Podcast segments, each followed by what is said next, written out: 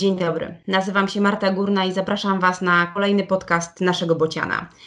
Dzisiaj mam przyjemność rozmawiać z Anną Krawczak, y, długoletnią przewodniczącą naszego Bociana, ale przede wszystkim mamą z ogromnym doświadczeniem.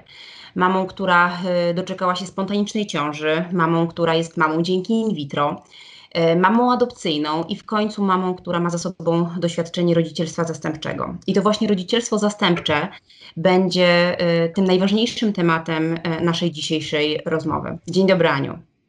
Dzień dobry. E, bardzo Ci dziękuję, że zgodziłaś się na tą dzisiejszą rozmowę i e, chciałabym, żebyśmy dzisiaj porozmawiały przede wszystkim o tym, co dzieje się z dziećmi, które nie mają szans na to, żeby wychowywać się w swojej e, biologicznej rodzinie. Gdzie te dzieci dorastają, kto je wychowuje i czy wszystko w Polsce funkcjonuje tak, jakbyśmy tego chcieli. Ale zaczynając od samego początku. W sytuacji, kiedy okazuje się, że rodzina biologiczna z jakichś powodów nie może opiekować się dzieckiem. E, wydawałoby nam się, że takim najbardziej intuicyjnym, najprostszym rozwiązaniem jest sytuacja, w której opiekę nad tym dzieckiem przejmuje ktoś bliski babcia, siostra, ktoś z rodziny. Czy tak często się dzieje i czy to jest zawsze najlepsze rozwiązanie? Mm, tak się dzieje często, ale zanim um, przejdziemy do tego, jak często się to dzieje i czy to jest dobre czy złe rozwiązanie, to warto powiedzieć, że um, za tymi um, dyplomatycznymi słowami o tym, że dzieci nie mogą wychowywać się w rodzinie biologicznej, e, kryją się sytuacje, które są zupełnie niedyplomatyczne, bo w Polsce e, zabezpieczyć interwencyjnie dziecko poza rodziną biologiczną e, można w dwóch sytuacjach. I pierwszą z nich jest sytuacja zagrożenia życia lub zdrowia, a drugą sytuacją to, sytua to jest to taka sytuacja, w której mm, wieloletnie wysiłki i praca wykonana z rodziną biologiczną na rzecz poprawy sytuacji E, nie przyniosły żadnego skutku. W związku z tym system w postaci pracowników socjalnych mm, albo wskazanych służb, na przykład policji, jest zobowiązany do zabezpieczenia właśnie dziecka po to, żeby je ratować przed zagrożeniem życia albo zdrowia, bo do tego się te sprawy sprowadzają. Także wydaje mi się, że warto o tym mówić, ponieważ cały czas gdzieś pokutuje w Polsce stereotyp, że w Polsce zabiera się dzieci z powodu biedy. To nie jest prawda, było to wielokrotnie sprawdzane, również przez byłego rzecznika praw dziecka e, i takich sytuacji po prostu w Polsce nie ma. Natomiast bieda bardzo często jest efektem e, problemów, które w rodzinie się wydarzyły, przewlekłych kryzysów, które przechodzą już fazę patologii utrwalonej, czyli na przykład uzależnień, trwałego bezrobocia powiązanego właśnie z tymi uzależnieniami, uzależnieniami, przepraszam, e, chorób, rozmaitych deficytów itd., tak itd., tak bardzo często też przemocy. E, więc, e, ale przyjmijmy, że mamy już tę sytuację, że takie rozpoznanie zostało dokonane, dziecko ma zostać zabezpieczone interwencyjnie. No oczywiście pierwszą opcją, którą się sprawdza, to jest właśnie mm, opcja babcia bądź ewentualnie starsze rodzeństwo. I jeśli ta opcja się powiedzie, czyli w rodzinie są e, krewni, dziadkowie bądź starsze rodzeństwo, które może przejąć pieczę zastępczą nad dzieckiem, mm, no to w takiej sytuacji dziecko jest tam po prostu umieszczane, ale tutaj też warto pamiętać, że rodzina spokrewniona prawie to coś zupełnie innego niż to, co nam się kojarzy z rodziną spokrewnioną. Na przykład wydaje nam się, że ciocia albo wujek to też są krewni, no bo nimi są, ale mm, prawo mówi jasno, rodziną spokrewnioną mogą zostać jedynie dziadkowie, albo starsze rodzeństwo, ciocia, kuzynostwo, stryj i tak dalej, wszyscy członkowie rodziny, mimo tego, że są faktycznie spokrewnieni z dzieckiem, jeżeli zdecydują się przyjąć do swojej rodziny, będą tworzyli niezawodową rodzinę zastępczą i nie pojawi nam się tam przymiotnik spokrewniona. Więc tak, to się sprawdza. Jeśli się okaże, że, że takie zasoby są i rodzina jest gotowa przejąć y, taką funkcję, to dziecko właśnie trafia do rodziny dalszej. Natomiast. Hmm, to jest y, taki zawiły punkt, dlatego że z jednej strony, i to nie tylko w Polsce, to jest w ogóle takie rozstrzygnięcie światowe, uznaje się y, umieszczenie dziecka w rodzinie dalszej za optymalne, no bo to jest też z punktu widzenia dziecka sytuacja najmniej niebezpieczna, najmniej stresująca, gdzie oczywiście opuszcza się ten dom rodzinny, no ale y, zamieszkujemy razem ze znaną nam ciocią, ze znanym nam wujkiem, już nie mówiąc o dziadkach, czy o, czy o właśnie starszej siostrze, czy bracie. Tylko, że ta sytuacja miewa też swoje cienie. E, one nie zawsze się wydarzają na samym początku, kiedy dziecko jest małe, o ile mówimy o dziecku małym, ale najczęściej tak. Mm, wydarzają się bardzo często w okresie adolescencji, kiedy pojawiają się problemy, kiedy pojawia się dojrzewanie, pojawiają się używki, pojawiają się nowe wyzwania związane no, z dynamicznym rozwojem i mediów społecznościowych, tak, i, i rynku e, substancji psychoaktywnych. No to są kwestie, e, w których mm, ja mimo tego, że nie uważam się za osobę szczególnie wiekową, też łapię się na tym, że czasami nie nadążam, tak? I jakby muszę cały czas trzymać rękę na pulsie, żeby wiedzieć po prostu, co się dzieje, tak? Co się dzieje na Instagramie, czym jest TikTok i tak dalej. Dziadkowie mają czasami z tym problemy, bo to są osoby, które są już wiekowe najczęściej e, i dla których nadążanie za takim bardzo dynamicznym e, rozwojem nastolatka, który jest jednak nastolatkiem z bagażem, z no, obciążonym traumą, tak, wczesnodziecięcą, bywa czasami zadaniem przerastającym w pewnym momencie, nie na początku, ale właśnie później. I kiedy tak się dzieje, no to mamy w domu szesnastolatka, mamy babcię, która ma lat 80 i która po prostu nie jest w stanie y, takiego chłopca czy takiej dziewczyny wychowywać y, tak jak, y, tak jak powinno być to dziecko wychowywane, tak, żeby zaspokoić nie tylko potrzeby e, emocjonalne, odzieżowe, żywieniowe, bo to cały czas może robić, ale też, żeby stawić czoła właśnie tym wyzwaniom, powiedziałabym, psychospołecznym.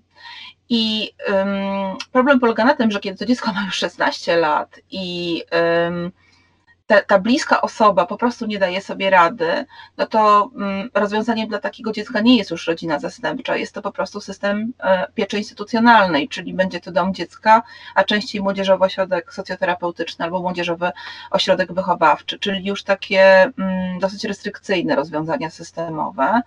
Z kolei jest też taki argument, który jest podnoszony gdzieś w literaturze, chociaż chyba bardziej, chyba częściej jest wyrażany jednak jako wątpliwość przez pracowników systemu pieczy zastępczej.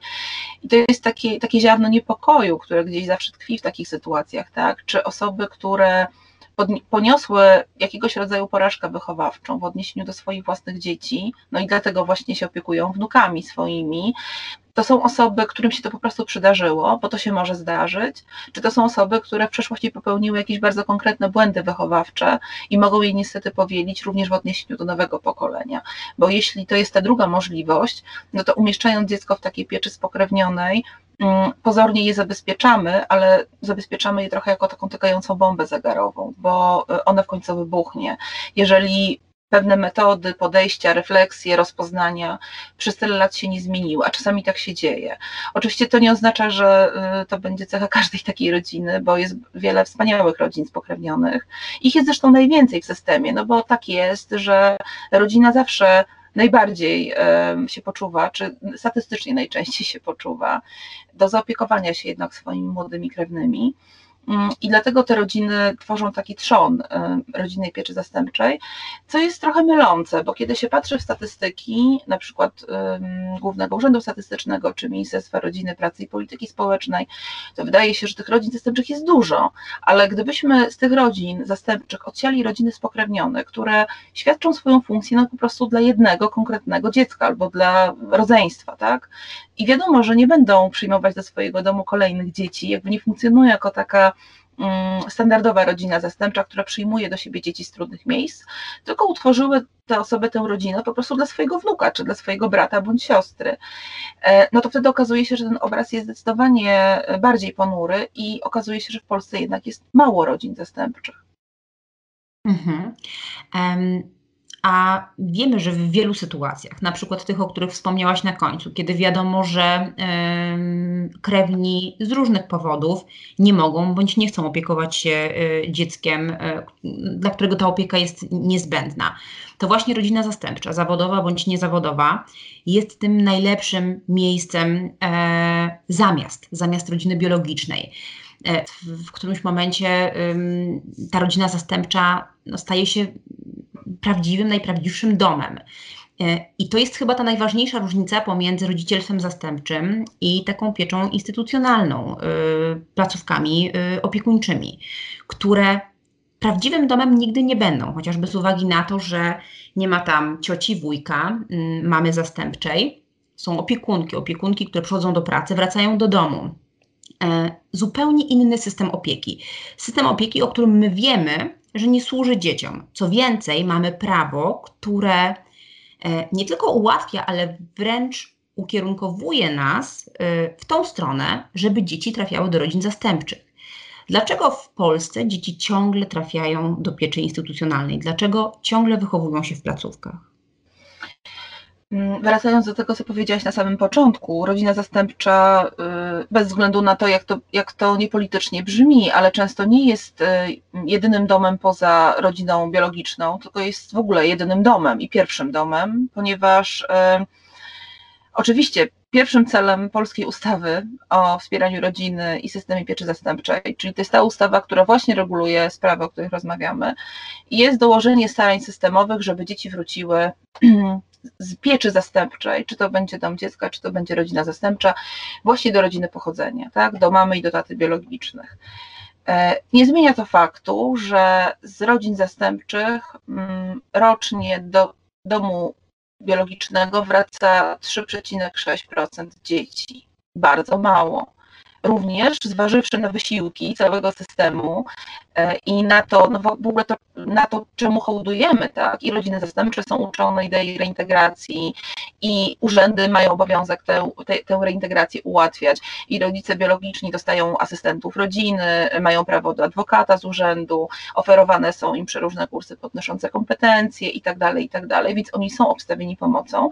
Jasne, że w różnych powiatach ta pomoc będzie mieć różną jakość, nie będę się z tym kłócić, ale jako pewne, pewne założenie systemowe, wspieranie powrotu dziecka do rodziny biologicznej niewątpliwie jest takim fundamentem, paradygmatem. No więc dlaczego nagle mamy 3,6%? Co tutaj nie gra? Czy to ludzie się za mało starają? Pani koordynatorka, właściwie w tym przypadku będzie to asystentka rodziny, nie wykonuje poprawnie swojej pracy, kursy są niedoskonałe? Nie, to się dzieje po prostu dlatego, ponieważ e, Polska jest krajem tak zwanej późnej interwencji. To znaczy my długo mm, długo przyjmujemy postawę taką wyczekującą i wspierającą rodziców biologicznych, zanim zdecydujemy się zainterweniować e, i to dziecko zabrać stamtąd. No a to z kolei sprawia, że to, co kiedyś było kryzysem, o ile w ogóle taki etap był w życiu rodziny, bo to też nie jest takie mm, proste, e, no więc to, co kiedyś było kryzysem, w momencie tej interwencji, która następuje kilka lat później, staje się po prostu już utrwaloną patologią, e, z którą bardzo trudno jest pracować, bo nie jest kryzysem i wymagałaby już bardzo rozległych mm, działań, które po prostu nie zawsze są realne, bo jeżeli rodzic y, jest osobą, która sama ma y, pozabezpieczny model więzi, czyli mówiąc bardzo prosto, y, ona deklaruje, że kocha dziecko i myślę, że na swoim poziomie rozumienia świata i przeżywania świata naprawdę tak jest. Ale nie zmienia to faktu, że dziecko pod jej opieką jest dzieckiem głodnym, zaniedbanym, którego podstawowe potrzeby emocjonalne są deprywowane, jest dzieckiem bitym, jest dzieckiem szturchanym, popychanym, wyzywanym, albo po prostu zostawianym e, godzinami, jeśli nie dniami w łóżeczku. I mm, mówiąc to, co mówię, jakby nie czytam kartotek policyjnych i nie E, jakby opowiadam rzeczywistości w formie mm, jakiejś powieści czy noweli, tylko mówię o losach konkretnych dzieci, które trafiły do systemu pieczy, no i które nie trafiały tam ze szczęśliwych domów, w których kiedyś się powinęła noga, tylko trafiały tam z domów, gdzie mm, ta noga była właściwie trwale unieruchomiona, jeśli nie amputowana. I no właśnie, więc kiedy mamy taki początek, i to dziecko jednak zostanie zabezpieczone, i tak będziemy wykonywać wysiłki reintegracyjne. Dlaczego? Bo musimy. Komu to służy? No, to nie służy dziecku. W tych przypadkach, gdzie o tę rodzinę nie tyle warto zawalczyć, co ona daje podstawy do tego, żeby sama walczyła i żeby system ją w tym wspierał, to jasne, tak, oczywiście, to wspaniałe, kiedy uda się przywrócić dziecko rodzinie bezpiecznej która odzyskała pion po życiowych zawirowaniach. Ale takich sytuacji jest bardzo, bardzo mało i ta statystyka to oddaje. A teraz odnośnie tego, dlaczego mm, instytucje, tak? No w Polsce mamy taką sytuację, że oczywiście mm, wszyscy udajemy przed sobą, że robimy deinstytucjonalizację. Lubimy to powtarzać, bo to jest w ogóle ładny tekst i e, on jakoś też sprawia, że czujemy się lepiej, kiedy powiemy sobie na 18 konferencji, że najlepsze miejsce pobytu dziecka jest rodzina a potem nie zmienia się nic. To znaczy, my od lat mamy niezachwiany, niezachwianą proporcję pomiędzy dziećmi, które są umieszczone w pieczy instytucjonalnej, to są placówki opiekuńczo-wychowawcze zwane popularnie domami dziecka, to są domy pomocy społecznej, bo wbrew temu, jak większość osób sądzi, DPS-y to nie są tylko miejsca pobytu osób wiekowych i seniorów, to są też miejsca pobytu dzieci.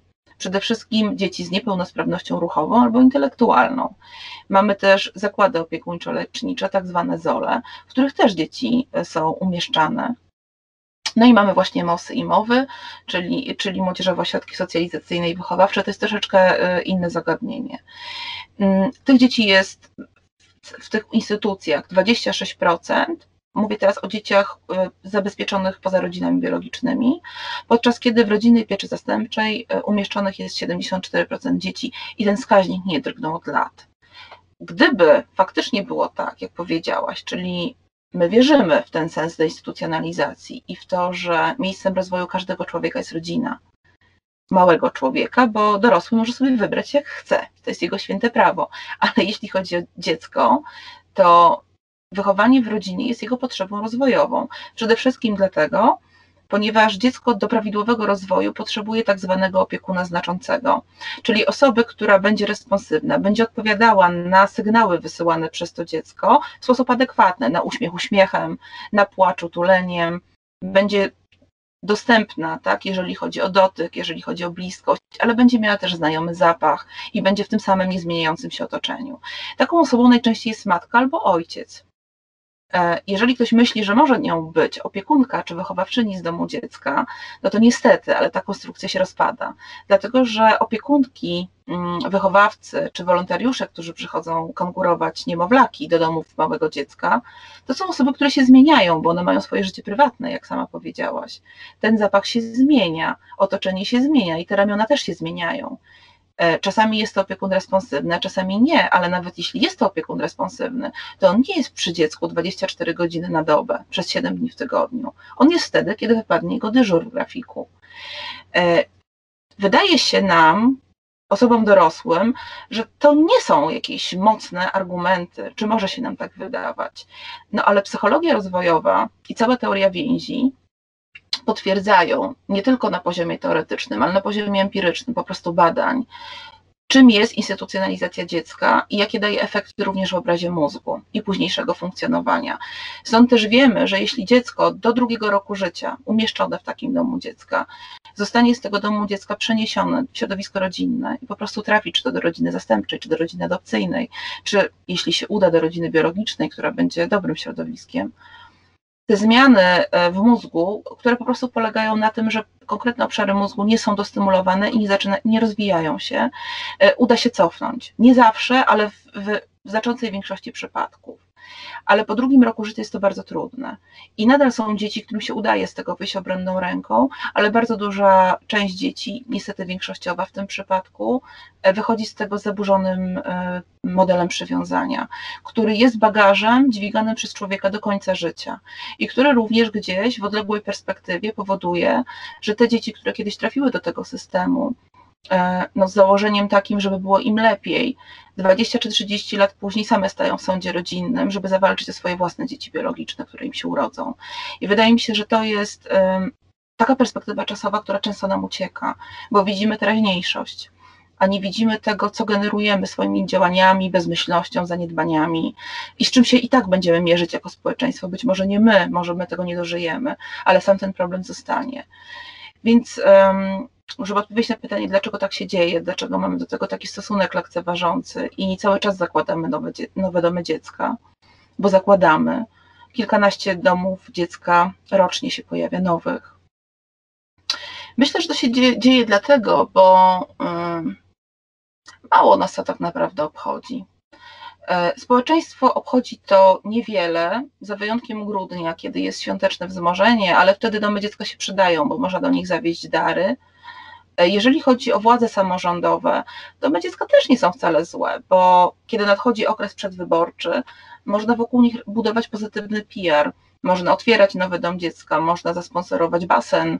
Jest taki dom dziecka w Polsce z basenem akurat jeden, więc to może nie jest najlepszy przykład, ale można na przykład kupić nowe meble, nowe zabawki albo ufundować dzieciom wycieczkę. I to jest okazja do um, wykonania okolicznościowego zdjęcia, które potem się znajdzie na um, profilu facebookowym kandydata na radnego czy na wojewodę.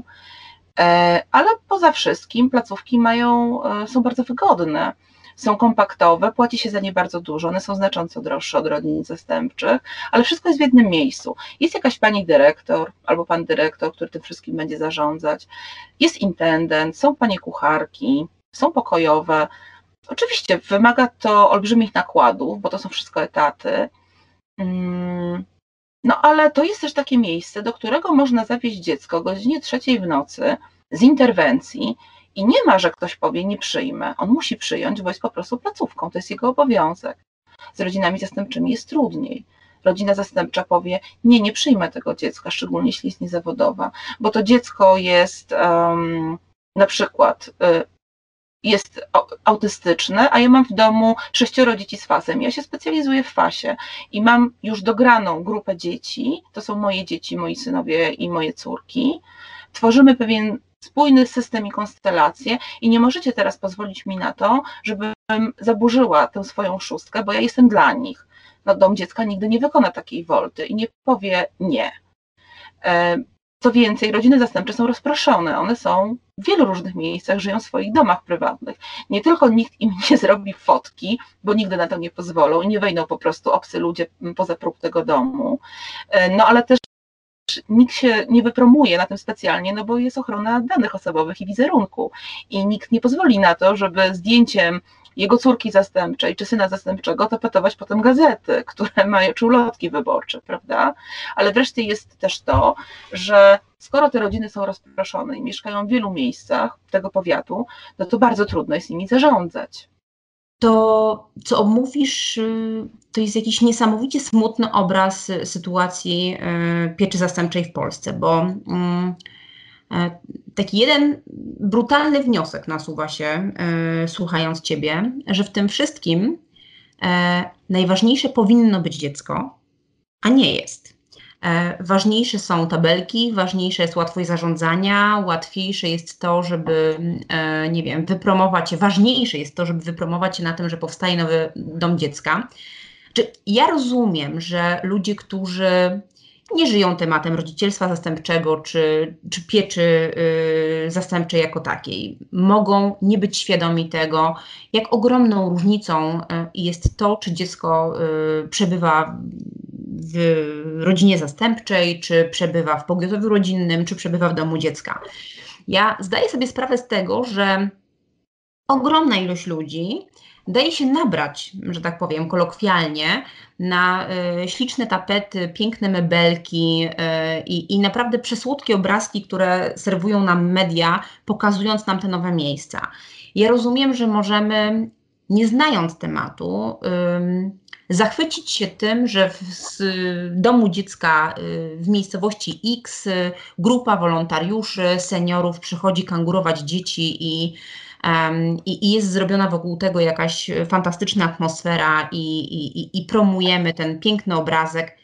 Dobrze, tylko, tylko to są ludzie, którzy nie znają tematu, nie znają tematu psychologii dziecka, nie, nie znają tematu y, pieczy zastępczej, ale no chciałoby się wierzyć, że decydenci, że ludzie, którzy stanowią prawo, że ludzie, którzy decydują o losach tego dziecka, którzy kierują to dziecko w dane miejsce, mówią, to dziecko w tym momencie, opiekę nad tym dzieckiem przejmuje osoba X, instytucja X, no nie może ani dawać się nabierać na te słodkie obrazki, ani dawać się yy, manipulować tym tabelkom, które wyglądają lepiej albo gorzej. Ona musi przede wszystkim dbać o dobro tego dziecka a tak wciąż się nie dzieje. Nie dzieje się między innymi dlatego, tak przynajmniej tłumaczą się decydenci, że wciąż brakuje rodzin zastępczych, że na przykład interwen w interwencji mamy do czynienia z trojgiem rodzeństwa i w danym momencie w powiecie nie ma rodziny zastępczej, która jest gotowa przyjąć tą trójkę dzieci. E, albo tak jak wspomniałaś wcześniej, mamy interwencję, dziecko y, ma czy jakieś ograniczenie ruchowe, czy na przykład jest obciążone, nie wiem, autyzmem, fasem. E, tych problemów może być mnóstwo. I nie potrafimy znaleźć rodziny, która w tym momencie jest gotowa przejąć opiekę nad tym dzieckiem. No ale w takim razie, dlaczego tych rodzin brakuje? Co zrobić, żeby tych rodzin było więcej? Czy to, co dzieje się dzisiaj w niektórych gminach, to są e, akcje, które mają promować rodzicielstwo zastępcze? To są plakaty, to są ogłoszenia, to są dni otwarte. E, czy te działania przynoszą skutki? Czy są gminy, które faktycznie radzą sobie z organizacją pieczy zastępczej w sposób taki, który można uznać za zadowalający? E, I, I co zrobić, żeby pokazać tej reszcie, która sobie nie radzi, e, którędy droga, w jaki sposób można przeorganizować pracę, tak, żeby móc o kolejnych dzieciach decydować już tak, jak powinniśmy, żeby móc zadecydować i mieć na to miejsce, że Krzysiu trafi do rodziny, a nie do placówki, że Basia trafi do drugiej rodziny, a nie do placówki. No bo przecież to w końcu musi zacząć się dziać. Wierzymy w to bardzo. Ja przynajmniej bardzo w to wierzę. Bardzo dużo pytań i nie wiem, na które mam zacząć odpowiadać, ale jeżeli mm, jeżeli miałabym wybrać to pytanie, dlaczego mm, cały czas placówki, dlaczego rodzin zastępczych jest za mało, to ja myślę, że odpowiedź się kryje w Twoim pytaniu. Na samym początku, kiedy powiedziałaś, że nie dziwisz się, że ludzie, którzy są laikami, którzy nie są e, związani z dziećmi, z psychologią rozwojową i tak dalej, mm, jakby mm, ulegają temu mitowi szczęśliwych domów dziecka, szczególnie tak zwanych czternastek, czyli domów, w których można umieścić do 14 dzieci. A ja się bardzo dziwię. Dlatego, że mm, wydaje mi się, że lądujemy w takiej pułapce, że jeżeli ktoś nie, nie ma dzieci, nie jest doświadczony, nie jest psychologiem, pedagogiem, tak, cokolwiek, no to on ma takie mniejsze szanse mm, na urefleksyjnienie tego, na zastanowienie się nad tym, nad empatię, na, na, na empatię. Tymczasem dzieciństwo, stan bycia dzieckiem jest stanem, który współdzielimy ze sobą absolutnie wszyscy. Możemy sami nie mieć dzieci, możemy mieć trudności w tym, żeby zostać rodzicami, możemy nie chcieć mieć dzieci, ale to nie zmienia faktu, że kiedyś dzieckiem byliśmy.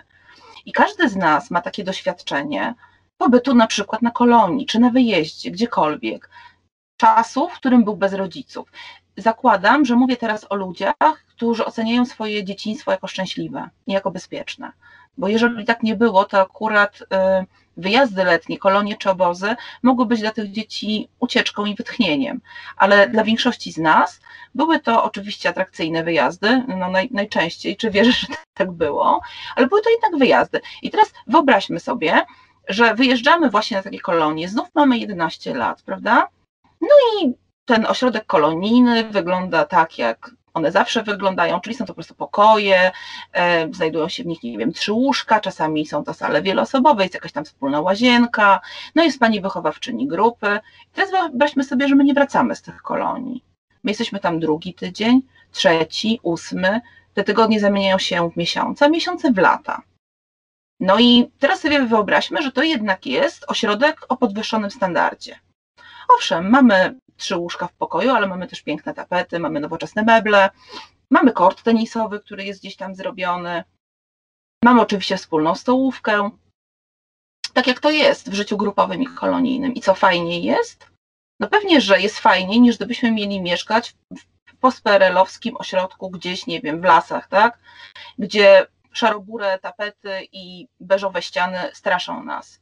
No ale nawet jeżeli odejmiemy te szaro-beżowe ściany, tapety i meble pamiętające Gierka, to chyba nie zmienia się to, że czujemy się samotni, czujemy się opuszczeni i jesteśmy tak naprawdę sami w tym doświadczeniu, bo nie mamy nikogo bliskiego. Jasne, że z czasem zaczniemy się zaprzyjaźniać z naszą wychowawczynią, albo z inną wychowawczynią, albo z panią kucharką, bo zawsze sobie znajdziemy jakąś życzliwą duszę. Ale czy to kiedykolwiek sprawi, że życie na koloniach stanie się modelem przez nas pożądanym? No to skoro tak jest, jestem akurat pewna, że to doświadczenie jest dzielone przez większość ludzi, to dlaczego chcemy to fundować innym dzieciom? Dlatego, bo to nie są nasze dzieci? Bo to są dzieci, które przeżyły molestowanie seksualne, które były ofiarami przemocy, które spotkały często olbrzymie krzywdy zupełnie przez nich niezawinione, bo te dzieci są, nie wiem, mniej rokujące niż nasze biologiczne, albo urodzone dzięki in vitro, wymarzone i wyśnione. I mi się wydaje, że to jest sedno. Dopóki nie zaczniemy nie tylko patrzeć na dzieci wszystkie jako na nasze, ale też w jakim sensie nie połączymy się z własnym doświadczeniem dzieciństwa, z tym, kim byliśmy wtedy, o czym myśleliśmy, co czuliśmy, czego się najbardziej baliśmy, co nam dolegało, ale też co nas cieszyło, no to nie będziemy w stanie zrozumieć tej różnicy, którą jest umieszczenie dziecka w placówce opiekuńczo-wychowawczej, a którą jest umieszczenie dziecka w rodzinie, gdzie będzie mama, gdzie będzie tata, ok, oni się czasem będą nazywać ciocią i wujkiem, zgoda, ale na przykład, kiedy trzeba będzie wyjść do sklepu, to pojadą, pojadą wszyscy razem samochodem albo pójdą na nogach. Kiedy będzie wigilia, to będą wszyscy razem lepić łóżka, czy robić barsz, na, na, barsz wigilijny, czy jaka tam jest tradycja w danej rodzinie. Śmieci się wyrzuca, no bo jeśli tego nie zrobimy, to zarośniemy tymi śmieciami. E, z łazienki się korzysta na zmianę, ale każdy ma swoje w niej miejsce i miejsce na szczoteczkę. Kiedy ktoś chce zrobić urodziny, to zaprasza kolegów do swojego domu ile dzieci zaprasza kolegów na nocowanki do domu dziecka? Czy jest możliwe, że dziecko biegające po ulicy, jeżdżące na rowerku i spotykające tam masę swoich kolegów i koleżanek mówi: Hej, Karol, chodź, pójdziemy do mojego domu, pobawimy się kolejką. Do jakiego domu mają pójść? Do placówki opiekuńczo-wychowawczej? To jest ten dom? To jest sfera doświadczeń, która nigdy nie będzie dana dziecku umieszczone, umieszczonemu w domu dziecka, po prostu dlatego, bo ono nie ma domu. I nie ma znaczenia, ile osób będzie nazywało domy dziecka domami dla dzieci, mówiąc, że teraz jest nowa jakość, że jest lepiej przeszkolony personel, że jest mniej dzieci, są sponsorzy. Super, fajnie, że są. To nie czyni z zakładu domu i nigdy go nie uczyni. Bo kluczem nie jest zmniejszanie liczebności dzieci w domach dziecka, tylko kluczem jest rezygnacja z domów dziecka i przejście wyłącznie na system rodzinny. Mhm. I teraz dlaczego mamy za mało rodzin zastępczych? No właśnie dlatego, bo się nad tym nie zastanawiamy. I jednak część z nas nie sięga wcale do myśli, do pamięci, do wspomnień o wiecznych koloniach, nie zastanawia się nad tym, czy robienie popcornu z rodzicami, przewalanie się po łóżku to jest wyjątkowe doświadczenie, czy może doświadczenie dane wszystkim. Czy zaproszenie kolegi na urodziny to jest naprawdę taka norma? A może jeżeli to nie jest normą, to powinno się to stać normą? To może powinnam się poczuć współodpowiedzialna powinnam poczuć jakieś sprawstwo. Wydaje mi się, że to są takie progi, od których zaczyna się dla ludzi myślenie o tym, czy mogliby zostać rodziną zastępczą, bo, bo to jest moim zdaniem bardzo ciekawy proces akurat. Jest dużo osób, czy może nawet większość, patrząc na społeczeństwo, jest to na pewno statystyczna większość, które po prostu nigdy się o tym nie zastanawiały. Albo kiedy ktoś im zadał pytanie, mówiły, nie, to nie dla mnie. Ile wśród nas jest takich osób, które poświęciły tej myśli trochę czasu. Na przykład sprawdziły, co to znaczy być rodziną zastępczą. Nie wiem, weszły na stronę, jest teraz bardzo dobry serwis, rodzina jest dla dzieci, prowadzony przez Łódź, który ma bardzo dobrze w ogóle rozpisane e, zadania i rodziny zastępcze, i adopcyjne, i pracę reintegracyjną. Bardzo go polecam, bo się można wiele z niego dowiedzieć i to jest taka właśnie wiedza w pigułce. Ale żeby to móc wiedzieć, żeby się o to otrzeć, to trzeba mm, zrobić sobie w głowie taką przestrzeń na pytanie, czy to by mogła być propozycja dla mnie? Trzeba się nad tym po prostu zastanowić. Ja mam wrażenie, że większość z nas w ogóle nie przechodzi przez próg zastanowienia się. Po prostu z góry odrzuca tę myśl, tak jakby e, rodzicielstwo zastępcze było zadaniem dla, nie wiem, aniołów, cyborgów, może bardzo złych ludzi, bo opinie e, społeczne o rodzicielstwie zastępczym też są bardzo różne i, i skrajne, tak?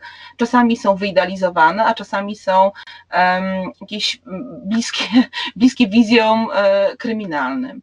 E, no ale tak czy inaczej, czy, czy w wersji anioł, czy w wersji diabeł, jest to cały czas egzotyka a rodzicielstwo zastępcze jest codziennością. To znaczy w pieczy przebywa kilka procent dzieci w Polsce i y, właściwie nie ma takiej możliwości, jeżeli ktoś ze słuchających ma dziecko w przedszkolu, czy ma dziecko w szkole, żeby w tym budynku szkolnym czy przedszkolnym nie było dziecka z pieczy. Bardzo możliwe, że o tym nie wiecie.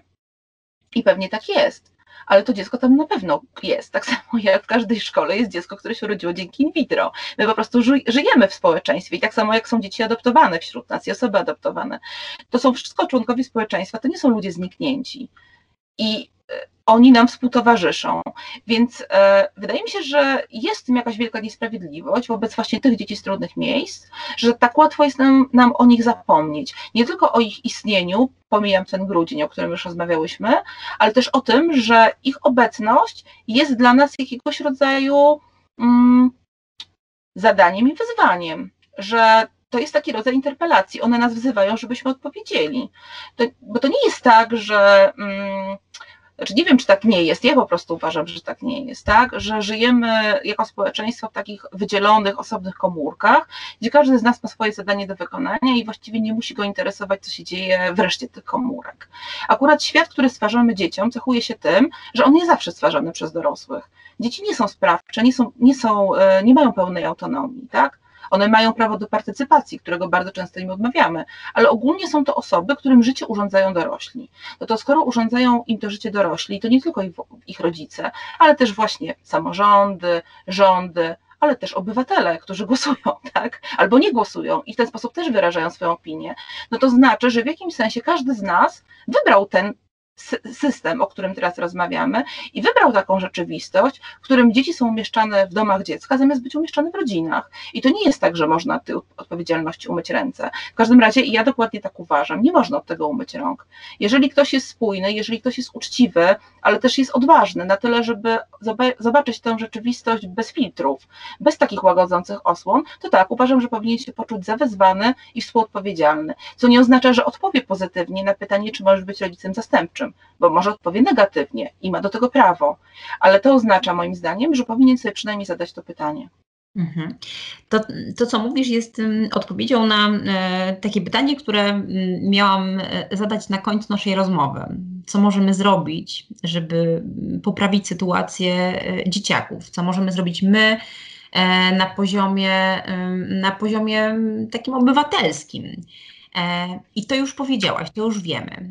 A y, wracając do tego, co pytałam wcześniej, co może zrobić samorząd, co może zrobić organizator, e, żeby sytuacja w konkretnym powiecie, w konkretnej gminie no, obróciła się bardziej na korzyść dzieci, żeby, żeby jednak więcej dzieciaków znajdowała miejsce w rodzinie zastępczej i żeby nie e, wzmacniać e, pozycji e, placówek opiekuńczych, żeby nie umieszczać w nich kolejnych dzieci. Co zrobić, żeby mm, rodziny zastępcze rosły w siłę? Mm, po pierwsze, należy mieć wolę. I bez względu na to, jak mm, Idealistycznie to brzmi, bo tak trochę jest, że kiedy mówimy, porozmawiamy o wartościach, to brzmi to bardzo niepoważnie, bo my jesteśmy od celów, od wskaźników, od liczb, mm, ale akurat prawda jest taka i ona została zmierzona badaniami, zresztą jest nawet bardzo duża metaanaliza na ten temat, że nie ma takiego systemu, w którym udałaby się deinstytucjonalizacja, czyli udałoby się wyprowadzić dzieci z domów dziecka, przynajmniej większość z nich, który nie zacząłby tego procesu od pracy na wartościach. To znaczy, pierwszą rzeczą, którą musi zrobić samorząd, to uświadomić sobie to, o czym teraz rozmawiamy nie ma czegoś takiego, że dzieci mogą być w placówkach. Jeżeli wierzymy w to, że dziecko ma prawo do rodziny, i to nie jest prawo, które będziemy realizować kiedyś, jak już uchwalimy budżet, zajmiemy się e, wybudowaniem nowych dróg i sprawdzimy catering, e, który dowozimy do szkoły, tylko to jest prawo, które ma być teraz i tu zrobione. Ono jest na pierwszym miejscu. Dobra, mogę się umówić, że na trzecim, ale jest w czołówce i ono nie będzie odkładane. Jeśli mamy co do tego jasność i mamy całkowite rozpoznanie, to cała reszta układa się gładko. Ta reszta to przede wszystkim przyjrzenie się zasobom, które ma dany organizator, dany powiat. Ile jest rodzin zastępczych? zawodowych, niezawodowych i spokrewnionych. Co się z nimi działo na przestrzeni ostatnich pięciu lat? Jakie mieliśmy podpływy? Ile rodzin nam zrezygnowało? Dlaczego zrezygnowały? To jest bardzo ważne pytanie rodziny rezygnują ze swojej pracy, najczęściej nie dlatego, bo rozczarowało ich samo rodzicielstwo zastępcze.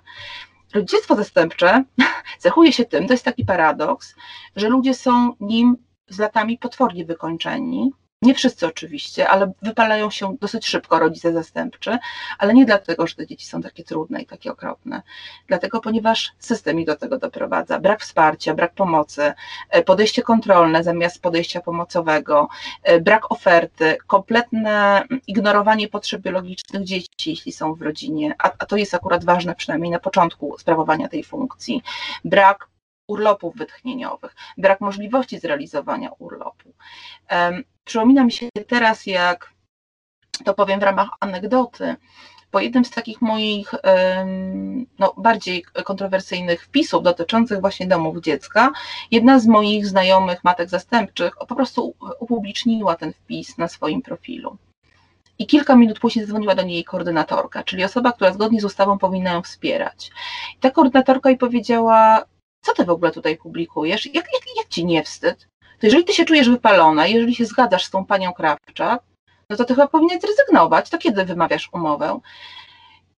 Schemat był taki, że rodzina zastępcza, która podnosi krytykę tego systemu, co nie oznacza, że nie, nie odczuwa satysfakcji z opieki nad dziećmi, może mieć ten poziom bardzo wysoki satysfakcji, ale posuwa się do samej krytyki, jest odczytywana przez koordynatorkę, która powinna ją wspierać, jako osoba na progu wypalenia, którą należy po prostu rozwiązać, tak?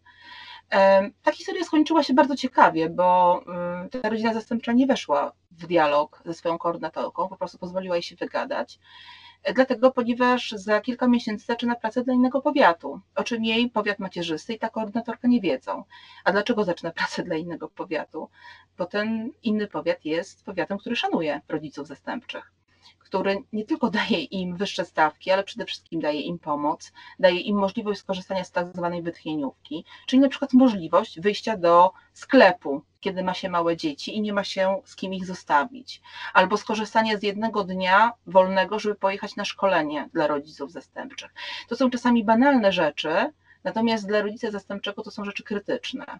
Więc e, czasami rodziny, które odpływają poza powiat i rezygnują ze swojej funkcji, wcale nie znikają z rodzicielstwa zastępczego, tylko znikają z rodzicielstwa zastępczego w danym powiecie. I to jest bardzo ciekawe i bardzo wymagające audytu przyjrzeć się temu i zobaczyć, co się tak naprawdę kryje za tymi cyframi i za przepływami pomiędzy jednym, drugim i trzecim typem rodzin. Wtedy może się na przykład okazać, że rodzin gotowych do przejścia na zawodowstwo, czyli utworzenie na przykład pogotowia rodzinnego czy rodziny specjalistycznej, mamy w naszym powiecie całkiem sporo. Tylko od pięciu lat nie podpisaliśmy z nimi umowy, bo mówimy, że nie są wypełnione mm, kwoty, tak? Y, czyli zobowiązania powiatu co do tego, ile umów rocznie podpisze.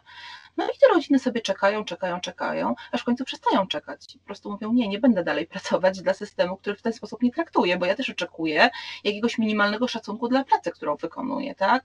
i szacunku też dla dzieci, bo to jest, e, jedno się wiąże z drugim. Więc e, wydaje mi się, że kwestia zobaczenia właśnie bez znieczulenia, co się tak naprawdę dzieje w naszym powiecie, jak ta sytuacja wygląda, nie tak jak my ją widzimy, czy tak jak my ją interpretujemy, tylko tak jak ona się wyłania po prostu z tych statystyk. Dlatego najlepiej jest, żeby to robiła osoba trzecia, a nie sama osoba zatrudniona w tym powiecie, no bo ona też będzie mieć tendencję do naginania tej rzeczywistości na korzyść organizatora rodzinnej pieczy, czy na e, korzyść władz powiatowych. Po zobaczeniu tego mamy jakieś konkretne wnioski, tak, z czym zaczynamy pracować? I wtedy się możemy zastanowić nad kolejnym etapem, tak, czyli na przykład nad sprawdzeniem, ile dzieci, które przebywają obecnie w domu dziecka, to są dzieci, które mogłyby tak naprawdę wrócić do rodzin biologicznych, jeżeli by spełniono jakieś warunki. I zakładam oczywiście, że nie mówimy tutaj o rodzinach, gdzie jest już mm, trwały rozkład e, rodzinny, tylko o rodzinach, które na przykład no, trochę utknęły w tym stanie zawieszenia, bo dziecko już piąty rok jest w placówce, więc mm, rodziny też już przestały się jakby przyzwyczaiły się do tego stanu, tak? Natomiast w tym czasie, kiedy to dziecko w placówce przebywało, ustabilizowały się jakoś tam zawodowo, mm, mają jakieś tam mieszkanie z zasobów miasta i za nie płacą, więc to nie jest jakiś lokal zadłużony. Coś tam się pozytywnego zadziało, tylko po prostu trwa już to tak długo, że weszliśmy wszyscy w taką fazę marazmu, tak? E, I kiedy się na to patrzy pod tym kątem, okazuje się, że jednak jest pewna pula dzieci, które mogą wrócić do rodzin biologicznych. Jest pewna pula dzieci, które mogą trafić do niezawodowych rodzin zastępczych. Tutaj mogę powiedzieć, to jest bardzo obrazowa anegdota. Ja przez 4 lata byłam niezawodową rodziną zastępczą dla dwójki dzieci, ale mam warunki, żeby mieć w swoim domu więcej. Być może nigdy bym tego nie zrobiła, ale nigdy przez te 4 lata nie zostałam o to zapytana.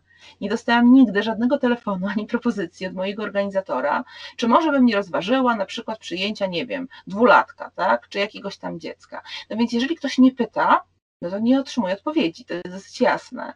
Więc e, wydaje, wydaje mi się, czy raczej wiem, że w każdym powiecie są takie ukryte zasoby i są wolne miejsca w rodzinach zastępczych, po które się po prostu nie sięga, dlatego że nikomu nie przyszło do głowy, żeby to zrobić. Nikt na to nie wpadł, tak? I e, w końcu docieramy chyba do najważniejszego punktu, czyli jakby z niewolnika nie ma pracownika, nie ma co ukrywać. Jeżeli się traktuje rodziny zastępcze lekceważąco, jeżeli się właśnie robi takie rzeczy jak ta koordynatorka w przytoczonej przeze mnie anegdocie, czyli zamiast wspierać, kontroluje się, jeżeli się jasno stawia rodziny w pozycji usługodawców, którzy po prostu mają przyjąć dziecko, a potem je oddać bez szemrania, no to traci się rodziny, które są zdeterminowane do tego, żeby pracować na więzi. Bo ludzie, którzy chcą się opiekować dziećmi i którzy, mm, dla których prawa dziecka i dobro dziecka jest wartością naczelną, nie pozwolą sobie na to, żeby latami tkwić w systemie, który mm, zgodnie z tymi wartościami po prostu nie pracuje. I ci ludzie odpływają z tego systemu. Więc mm, trochę takim probierzem jakości pieczy w, w danym powiecie jest to, ile rodzin stałych, wieloletnich w nim jest i z jaką jakością te rodziny pracują. Bo jeżeli to są rodziny, którym pozwala się kochać dzieci, mówiąc już bardzo prosto, e, nie wyrywa się tych dzieci z rodzin, współpracuje się nad dobrymi przejściami, jeśli te, rodziny, te dzieci trafiają do adopcji, ale też jeśli jest to niemożliwe, to pozwala się tym dzieciom mieszkać w rodzinach zastępczych, które się stają po prostu ich stałymi, jedynymi rodzinami. Jeżeli takich rodzin będzie dużo, to znaczy, że to jest dobry organizator. Mhm. Ale jeśli takich rodzin będzie mało, to znaczy, że ten powiat na pewno będzie mieć problem z niedoborami rodzin zastępczych i będzie w związku z tym umieszczać dzieci w placówkach. Aniu, wierzysz w to, że przyjdzie taki dzień, gdzie e, w głównym wydaniu programu informacyjnego zamiast relacji z otwarcia kolejnej e, cukierkowej placówki e, będziemy mieli szansę zobaczyć relację z zamknięcia ostatniego domu dziecka?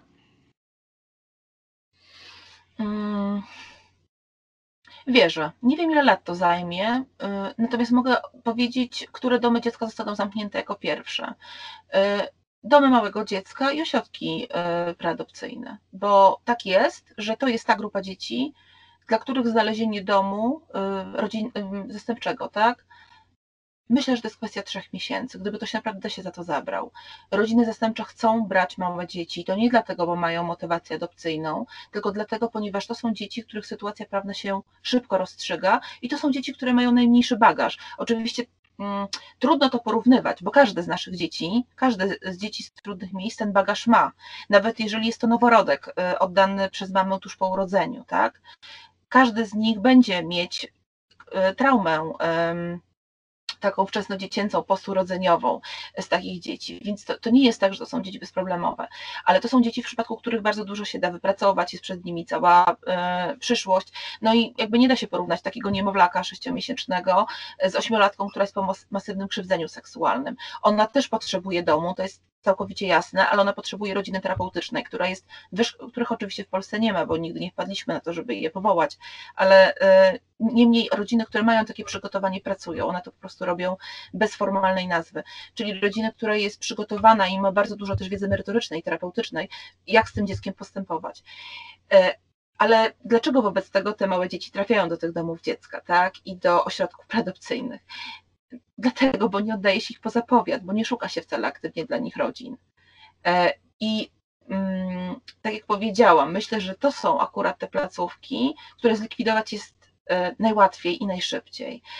Dlaczego to się nie dzieje wobec tego? To jest dla mnie niezwykle ciekawe pytanie i myślę, że tutaj byśmy musiały wejść głęboko w kwestię polityki, czego bym nie chciała robić, ale tak, e, mogę się podpisać pod tym, będę bronić tej tezy, że rozładowanie domu małego dziecka mm, nie jest trudnością. W polskich realiach to nie jest trudność. Trudnością tak, będą nastolatki, to jasne.